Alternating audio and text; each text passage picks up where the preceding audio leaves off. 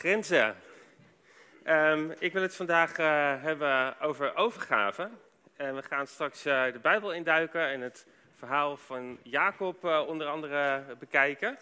En daar komt dit eigenlijk ook hartstikke mooi in terug. Jacob is ook steeds aan het zoeken van, hé, hey, waar liggen de grenzen nou? Maar we leven ook best wel in een ernstige tijd, vind je niet? Ehm, de wereld ziet er compleet anders uit dan een maand geleden. En uh, het wereldtoneel is behoorlijk veranderd. En eigenlijk vond ik uh, corona nog best wel overzichtelijk. Kon je gewoon lekker thuis zitten in je eigen holletje. Maar weet je wat er allemaal om ons heen gebeurt? Hè? Dat laat zo ontzettend zien dat er een oplossing nodig is. Dat er iemand is die een einde maakt aan al die ellende. Iemand die troost, iemand die ontheemde een thuis geeft. Iemand die recht brengt. Iemand die vrede sticht. Kortom, iemand die een eind maakt aan al deze madness. En uh, als je het nieuws uh, volgt om op de hoogte te blijven van wat er allemaal gebeurt, dat snap ik heel goed. Maar ik zou je willen aanraden om net zoveel in de Bijbel te lezen. Want dat is op een bepaalde manier ook wel een antigif voor alles wat er gebeurt. Want er is iemand die troost die recht brengt, die vrede sticht. Iemand die echt een eind maakt aan deze madness. En dat is Jezus. Hij zal alle tranen van de ogen wissen. Nou, in het nieuws hoor je ook berichten van uh, dienstplichtige soldaten aan de Russische kant, die eigenlijk geen idee hebben waarom ze daar vechten, wat ze daar aan doen zijn. En uh, sommigen ontdekken, als ze daar wat verder over nadenken, van hé, hey, ik vecht gewoon aan de verkeerde kant. Ik vecht voor het verkeerde doel. Ik vecht voor iemand met kwade intenties. En uh, op de beamer uh, kan ik nog net zien. Ja, er hangen wat uh, lampen in de weg die niet van ons zijn. Maar daar, daar zie je een soldaat die zich overgeeft met een witte vlag. Nou heb ik hier ook een, een witte vlag. En de witte vlag is het symbool van overgave. En daar wil ik het vandaag over hebben. Dus als je misschien uh, halverwege denkt, ik ben even in slaap gevallen en uh, je wordt weer wakker en je denkt van, waar gaat het preken ook wel weer over? Nou, denk dan aan deze vlag. Het gaat dus over overgave. Kunnen jullie me nog zien? Ja, het gaat nog wel, hè? Maar die, uh, die soldaten, die, die krijgen 10.000 dollar van de Oekraïnse regering en een paspoort als ze zich overgeven.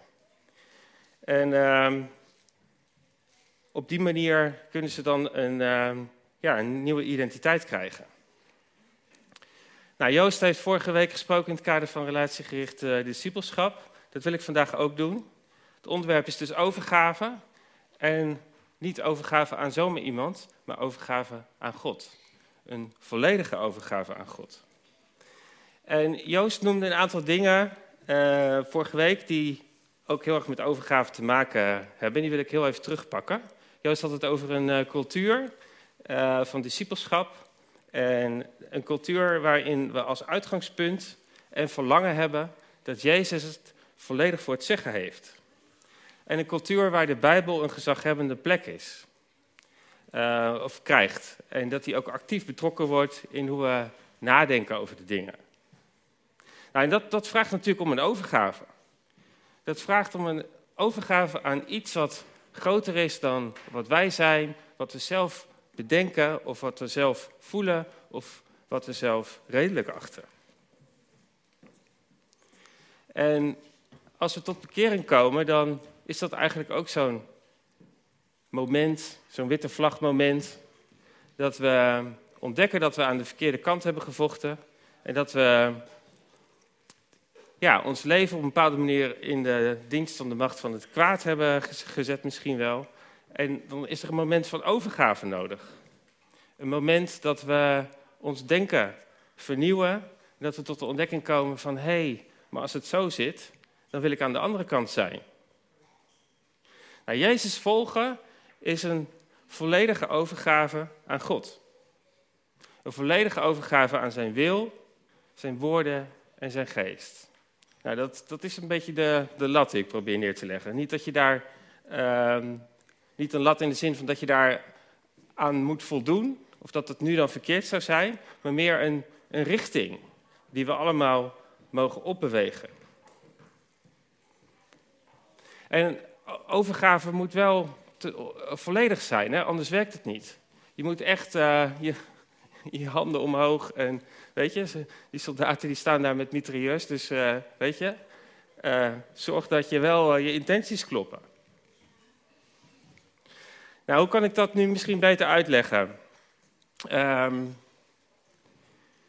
ik wil een voorbeeldje aan de hand van, van een pen. Is er iemand die een pen heeft? Heb jij een pen, Linda? Kijk, nou ja, je mag, je mag hem even zelf vasthouden. Want als je nou zou willen schrijven met die pen, hè, dit gaat, gaat niet als die in je tas zit, toch? Nee. Of als die in je zak zit. Dus die, als je een verhaal zo wil, wil schrijven, dan moet die pen volledig in jouw hand zijn. Daar ben je het mee eens, hè? Daar ben ik mee eens. Nou, dat is, zo werkt het eigenlijk ook met overgave. De functie van de pen is om een verhaal te schrijven. En dat werkt alleen als de pen in de hand van de schrijver is. En zo werkt dat ook met jouw levensverhaal. God wil jou als pen vasthouden en zijn levensverhaal schrijven met jou. En uh, we mogen groeien tot een volwassen christen die dagelijks Jezus volgt.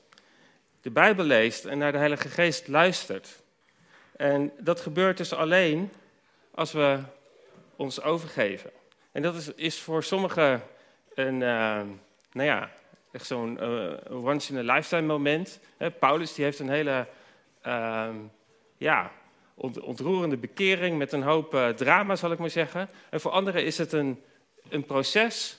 En ik denk dat dat beide waar is. Hè? Soms heb je een hele krachtige ervaring van God in je leven, waar, waar je echt helemaal overgeeft. En daarna zijn er ook weer stapjes van overgave.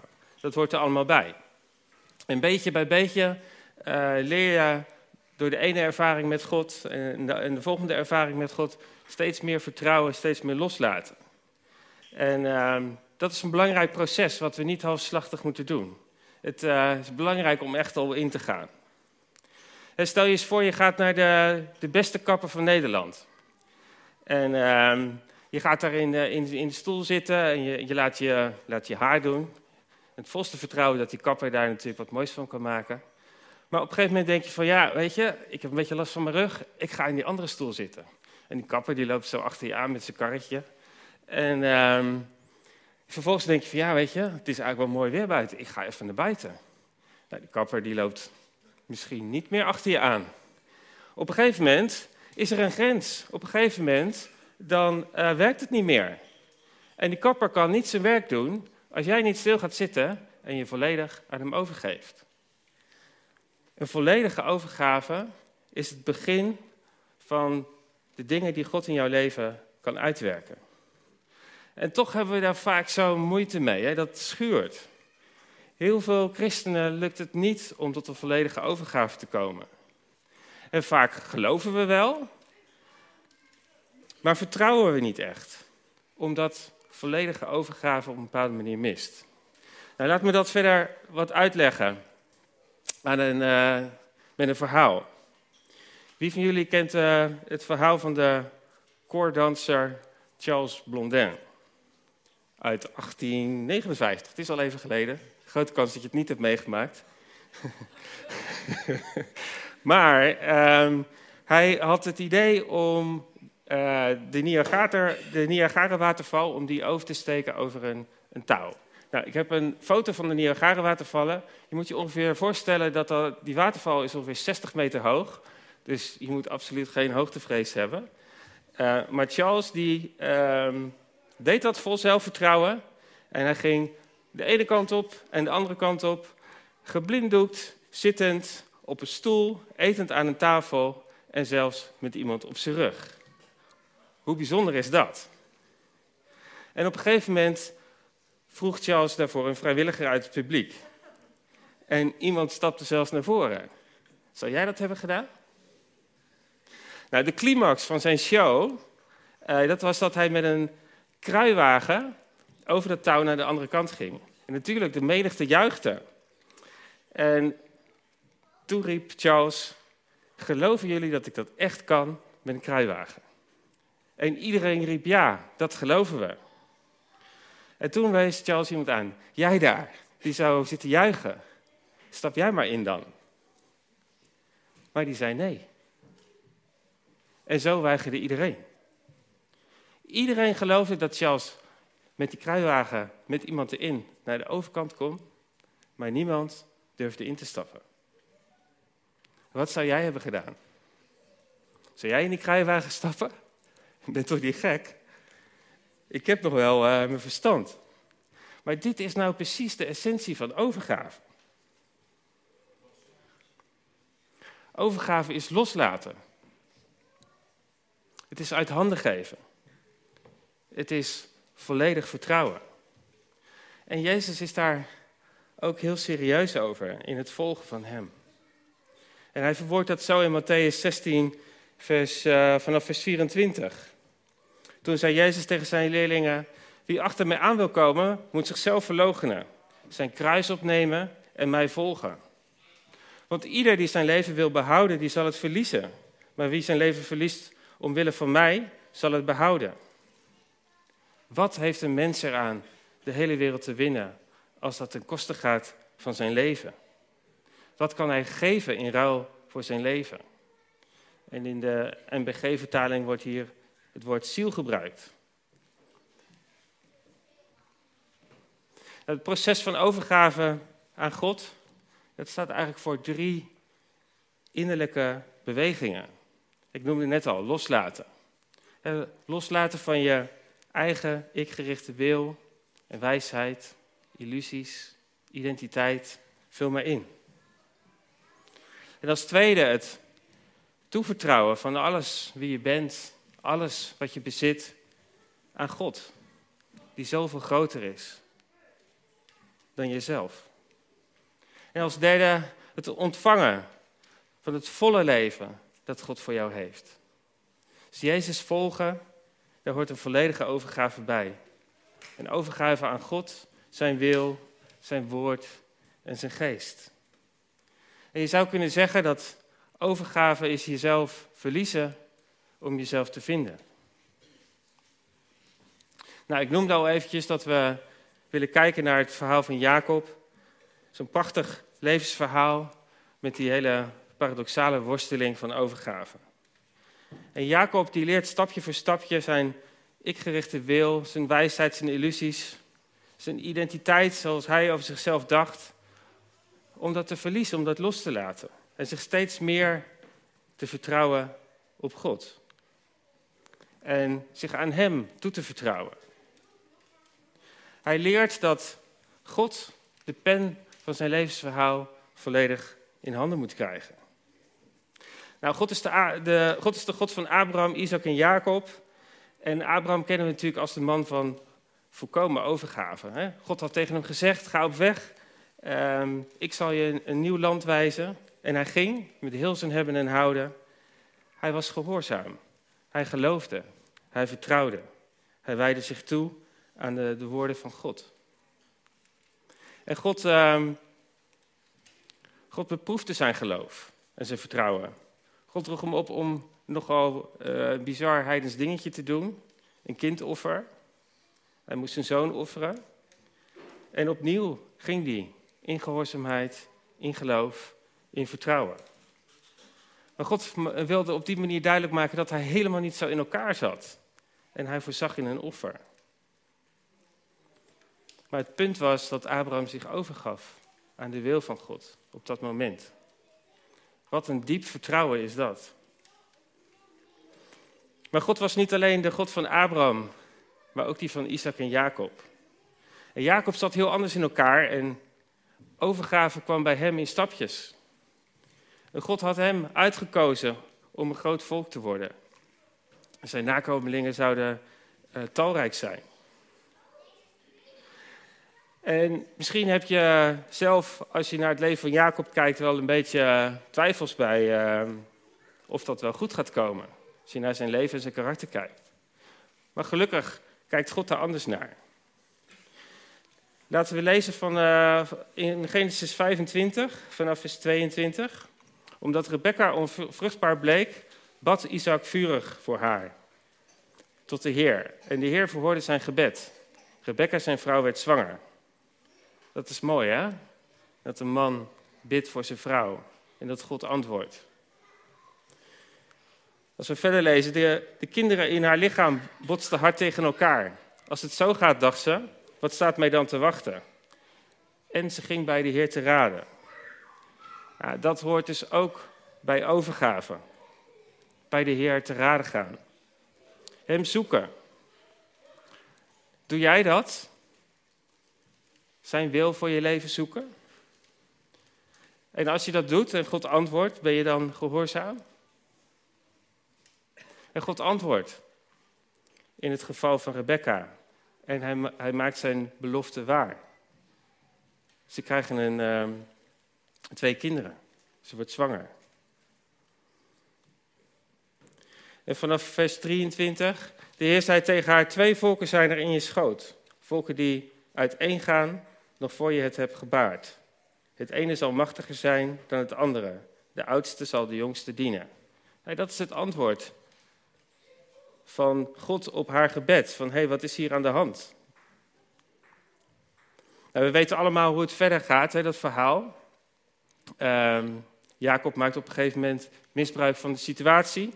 Als Esau uitgeput en uitgehongerd van het jagen terugkeert, um, dan uh, pakt hij zelf de regie in handen over de belofte die zijn moeder had ontvangen. En hij verkoopt zijn eerste geboorterecht voor een uh, kuppen soep van zijn broer. En dat eerste, geboorterecht, dat eerste geboorterecht, dat staat dus voor een dubbel deel van de erfenis. Hè? Maar Jacob, waarom durf je dat niet in de handen van God te laten? Hij heeft het beloofd. Hij zal het ook waarmaken. En wat had Jacob toch een hoop verdriet en familiedrama uh, ja, zichzelf kunnen besparen als hij op God had vertrouwd. Als hij toch zijn eigen ikgerichte wil, zijn wijsheid, zijn illusies had kunnen loslaten. Want op een bepaalde manier was hij goed op weg. Want hij nam wel Gods woorden serieus. Hij nam dat als uitgangspunt. Maar het gaat allemaal zo mis op het moment dat hij het heft in eigen hand neemt en zelf op de troon gaat zitten. Herken je dat in je eigen leven? Waar we soms zo de neiging hebben om alles in de hand te houden en te controleren. We mogen echt leren loslaten.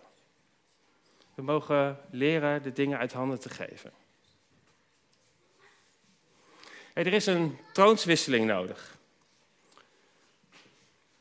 Volledige overgave is, uh, is dat niet jij, maar dat hij mag plaatsnemen op de troon van je leven. En dat is moeilijk. De hele wereld viel over Trump heen toen hij de zetel van de macht niet wilde opgeven. Als een klein stampend kind uh, wilde hij niet erkennen dat hij verloren had en dat een ander gewonnen had. Hij kon de macht niet loslaten. Nou, dat loslaten, dat lukt Jacob ook heel slecht. Maar Jacob, geloof je nu echt dat God niet kan ingrijpen? zou, de, zou de hand van God te kort zijn? Zou iets bij God onmogelijk zijn? Het komt goed als je het overgeeft. Maar Jacob gaat zelf lopen rommelen. En je, als je het verhaal leest, dan denk je zo van, oh, ik doe dat nou niet. Maar we kennen het verhaal en hij doet het wel. als zijn vader op sterven ligt, dan smeet hij samen met zijn moeder een complot en dan bedriegt hij zijn, uh, zijn blinde vader. Hij doet zich voor als zijn broer, Esau. Hij ruikt als Esau. Hij voelt als Esau. Hij kookt als Esau. Het bedrog is compleet en het werkt. En zo ontvangt Jacob de zegen van de oudste. Maar goed, dan zijn de rapen en de spanningen die lopen natuurlijk snel op. En hij moet vluchten. Helemaal eenzaam en alleen komt hij in de woestijn terecht. En zijn broer die zweert hem te vermoorden. Dus Jacob komt onnodig ontzettend in de problemen. Als God iets belooft, dan maakt hij het ook waar. En daar durft hij niet op te staan. Nog niet. En het is voor ons mensen soms zo moeilijk om vast te houden aan wat God gezegd heeft in je leven of wat hij gezegd heeft in de Bijbel. We willen het maar al te graag zelf fixen. Maar dan gebeurt er iets bijzonders. Hè? Jacob die moet uh, vluchten. En dat is een, uh, wandeltocht door de woestijn van ongeveer 1000 kilometer. Ik geef het je te doen. Um, maar hij is op weg naar een nieuw leven bij verre familie. En in Genesis 28 lezen we dan een bijzonder moment dat hij een droom krijgt. Hij ligt daar op zijn luxe bedje met een uh, steen als hoofdkussen en krijgt hij een droom. Hij zag een ladder die op de aarde stond en helemaal tot in de hemel reikte. En daarlangs zag hij engelen omhoog gaan en afdalen. De hemel is nog steeds betrokken bij zijn leven, ook op dit moment. Zo verder lezen, ook zag hij de Heer bij zich staan, die zei: Ik ben de Heer, de God van je voorvader Abraham en de God van Isaac. Het land waarop je nu ligt te slapen, zal ik aan je nakomelingen geven. Je zult zoveel nakomelingen krijgen als er stof op de aarde is. Je gebied zal zich uitbreiden naar het westen en naar het oosten en naar het noorden en het zuiden. In jou en je nakomelingen zullen alle volken op aarde gezegend worden. Ik zelf sta je terzijde. Ik zal je overal beschermen, waar je ook heen gaat. En ik zal je naar dit land terugbrengen. Ik zal je niet alleen laten. Tot ik gedaan heb wat ik heb beloofd. Nou, dat is toch een superduidelijk statement van, van God, wat hij, wat hij zo mag ontvangen. Dat God zo zijn intenties laat zien. Maar als we verder lezen, dan lezen we Jacobs reactie. Dat is, uh, even kijken, Genesis 1, 28, vers 21. Er staat, en hij legde een gelofte af. Als God mij tezijde staat en mij op deze reis beschermt, als hij mij brood en eten geeft en kleren aan mijn lichaam, en als ik veilig terugkom bij mijn familie, dan zal de Heer mijn God zijn. En ik beloof je dan dat ik een tiende deel van alles wat de Heer mij geeft aan u zal afstaan. Nou, dat noem ik nog eens een overgave onder voorwaarden. het lijkt meer op een staakt het vuren. Van ik stop even met mijn eigen acties. Als. En God doet een prachtige belofte.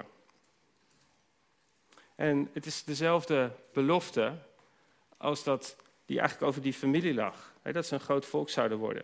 En dat God trouw zou zijn. Maar Jacob, die reageert nogal zakelijk. Hij stelt eisen. Als dit en dat, dan dat. Hoe werkt dat bij jou?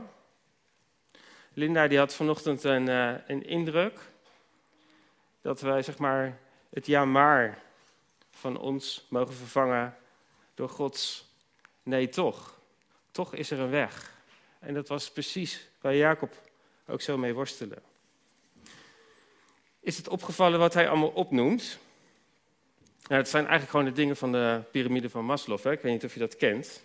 Maar in zijn, zijn theorie beschrijft eigenlijk een hiërarchie van menselijke behoeftes die je motiveren om dingen te doen. En uh, Jacob maakt zich druk om zijn lichamelijke behoeften, van eten, drinken, uh, kleding, gezondheid. Hij maakt zich druk om zijn behoefte aan veiligheid en bescherming. Hij is bang uh, dat zijn sociale behoeften niet vervuld uh, zouden worden. Hij wil zijn familie terugzien en noem maar op. En als God dat dan allemaal doet, dan geloof ik dat hij echt bestaat. Dat hij er ook persoonlijk is voor mij. Als al mijn behoeften zijn vervuld, dan zult u mijn God zijn. Maar zo werkt het niet helemaal, hè? Dat is geen volledige overgave. Het lukt Jacob nog niet om alles van wie hij is en wat hij bezit volledig aan God toe te vertrouwen. Herken je dat in jouw leven? Ik wil me helemaal aan u geven. Tadaa. maar eerst wil ik een relatie. Eerst wil ik een leuke man of vrouw ontmoeten, een huwelijk, een auto, een baan, een huis. goede vakantie. Als u dit doet, dan. Maar nogmaals, dat is geen overgave. En Jacob die, die heeft een bepaalde mindset, een denken vanuit een soort overlevingsangst. En hij heeft niet door dat juist de dingen die hij nodig heeft, dat God die al lang wil geven. Vanuit liefde. En hij mag het loslaten, hij mag het uit handen geven, hij hoeft zich er geen zorgen om te maken. Hij mag eenvoudig rusten in de belofte die God over zijn leven heeft uitgesproken. Maar oh, wat is dat ontzettend moeilijk voor Jacob. En zijn godsbeeld is ook grondig aan vernieuwing toe. Want op dat moment is dat niet heel veel groter dan zijn behoeften en waar, de dingen waarin God zou moeten voorzien. Het is een soort, uh, ja, gooi er een muntje in, er komt wat uit. Maar God is veel groter. Herken je dat? Hoe, hoe groot is God voor jou? Hoe gezaghebbend zijn zijn woorden en zijn beloften in jouw leven? Herken je die focus die Jacob heeft op ja, alle noden, of de dingen die je nodig hebt in het hier en nu? Herken je die voorwaardelijkheid in je eigen leven? Nou, Jacob die loopt uiteindelijk ontzettend vast in zijn leven. En na zijn vluchttocht uh, door de woestijn komt hij bij zijn oom Laban terecht. En uh, die heeft twee dochters. Hij wordt verliefd op de jongste. En daar moet hij dan zeven jaar voor werken en dan mag hij met haar trouwen. En tijdens zijn huwelijksnacht uh, komt hij erachter dat hij niet de prachtige Rachel naast zich heeft liggen. Maar de zus die, waarvan de Bijbel zegt dat ze een schoonheidsprobleem had. Ze had wat fletse ogen. En Jacob is bedrogen. En hij krijgt op een bepaalde manier een koekje van eigen deeg. En goed, een uh, lang verhaal kort. Nog zeven jaar werken en dan mag hij met, met Rachel trouwen. En het verhaal gaat eigenlijk verder als er opnieuw een ruzie ontstaat en hij dan opnieuw moet vluchten en teruggaat naar het land waar hij vandaan kwam. En dat is ook het land waar zijn broer woont. En die had nog een appeltje met hem te schillen. En we zien dan dat Jacob voor de eerste keer in zijn leven het niet zelf onder controle heeft. Tot dit punt toe had hij alles kunnen organiseren. Het eerstgeboorterecht, het dubbele deel van de erfenis, zijn vrouwen. Hij had zijn bedrijf, uh, zijn veeteeltbedrijf goed op orde. Dat liep lekker. Maar hij heeft nog wel een unresolved issue met zijn broer en vreest voor zijn leven. Want Esau had gezworen om hem te doden. Maar er is geen familie die nee toen de tijd. Er is geen limo die hem op komt halen. Geen Bert van Leeuwen die als mediator een gesprek faciliteert. Zijn broer die komt hem tegemoet. En opnieuw schiet Jacob helemaal in zijn controle dingetje. Ondanks de woorden die God over zijn leven had uitgesproken. Hij splitst de groep op, stuurt geschenken vooruit. En hij zegt tegen zijn knechten letterlijk wat ze moeten zeggen. Zover gaat het. En dan komt hij met zijn hele karavaan bij de rivier de, de Jabok. Nou, je moet je voorstellen, die stroomt in het dal, dus je moet naar beneden, dan de rivier doorwaden en dan moet je daar weer omhoog. En het angstweet breekt hem uit. Want hij weet dat als hij eenmaal is overgestoken, dat de, de ruiters van Esau hem zo kunnen pakken. Het angstzweet breekt hem uit. En we lezen dan in uh, Genesis 32. Het was nog nacht toen Jacob opstond en de Jabok overstak op een doorwaardbare plaats. Samen met zijn beide vrouwen en zijn twee bijvrouwen en zijn elf zonen. Nadat hij hen over de rivier had geholpen, bracht hij ook al zijn bezittingen naar de overkant. Maar zelf bleef hij achter helemaal alleen. Het moeilijkste om over te geven is jezelf. alles wat je hebt aan God overgeven is al een heel ding. Maar nu jijzelf. Alle controle in zijn handen leggen. Helemaal. Dat is niet eenvoudig. Jacob bleef alleen achter. alles was naar de overkant. En nu hij zelf. En hij kan het niet. Het lukt niet.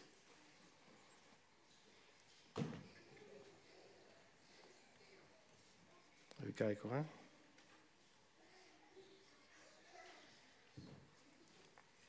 En er staat dan, maar zelf bleef hij achter, helemaal alleen.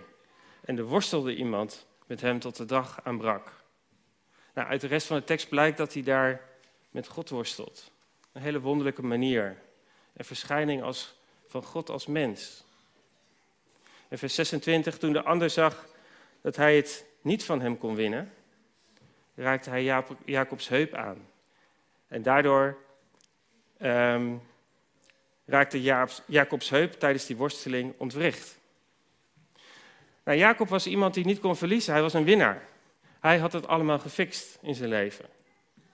En ik denk dat God hier een man zag die niet kan verliezen, maar het wel wilde.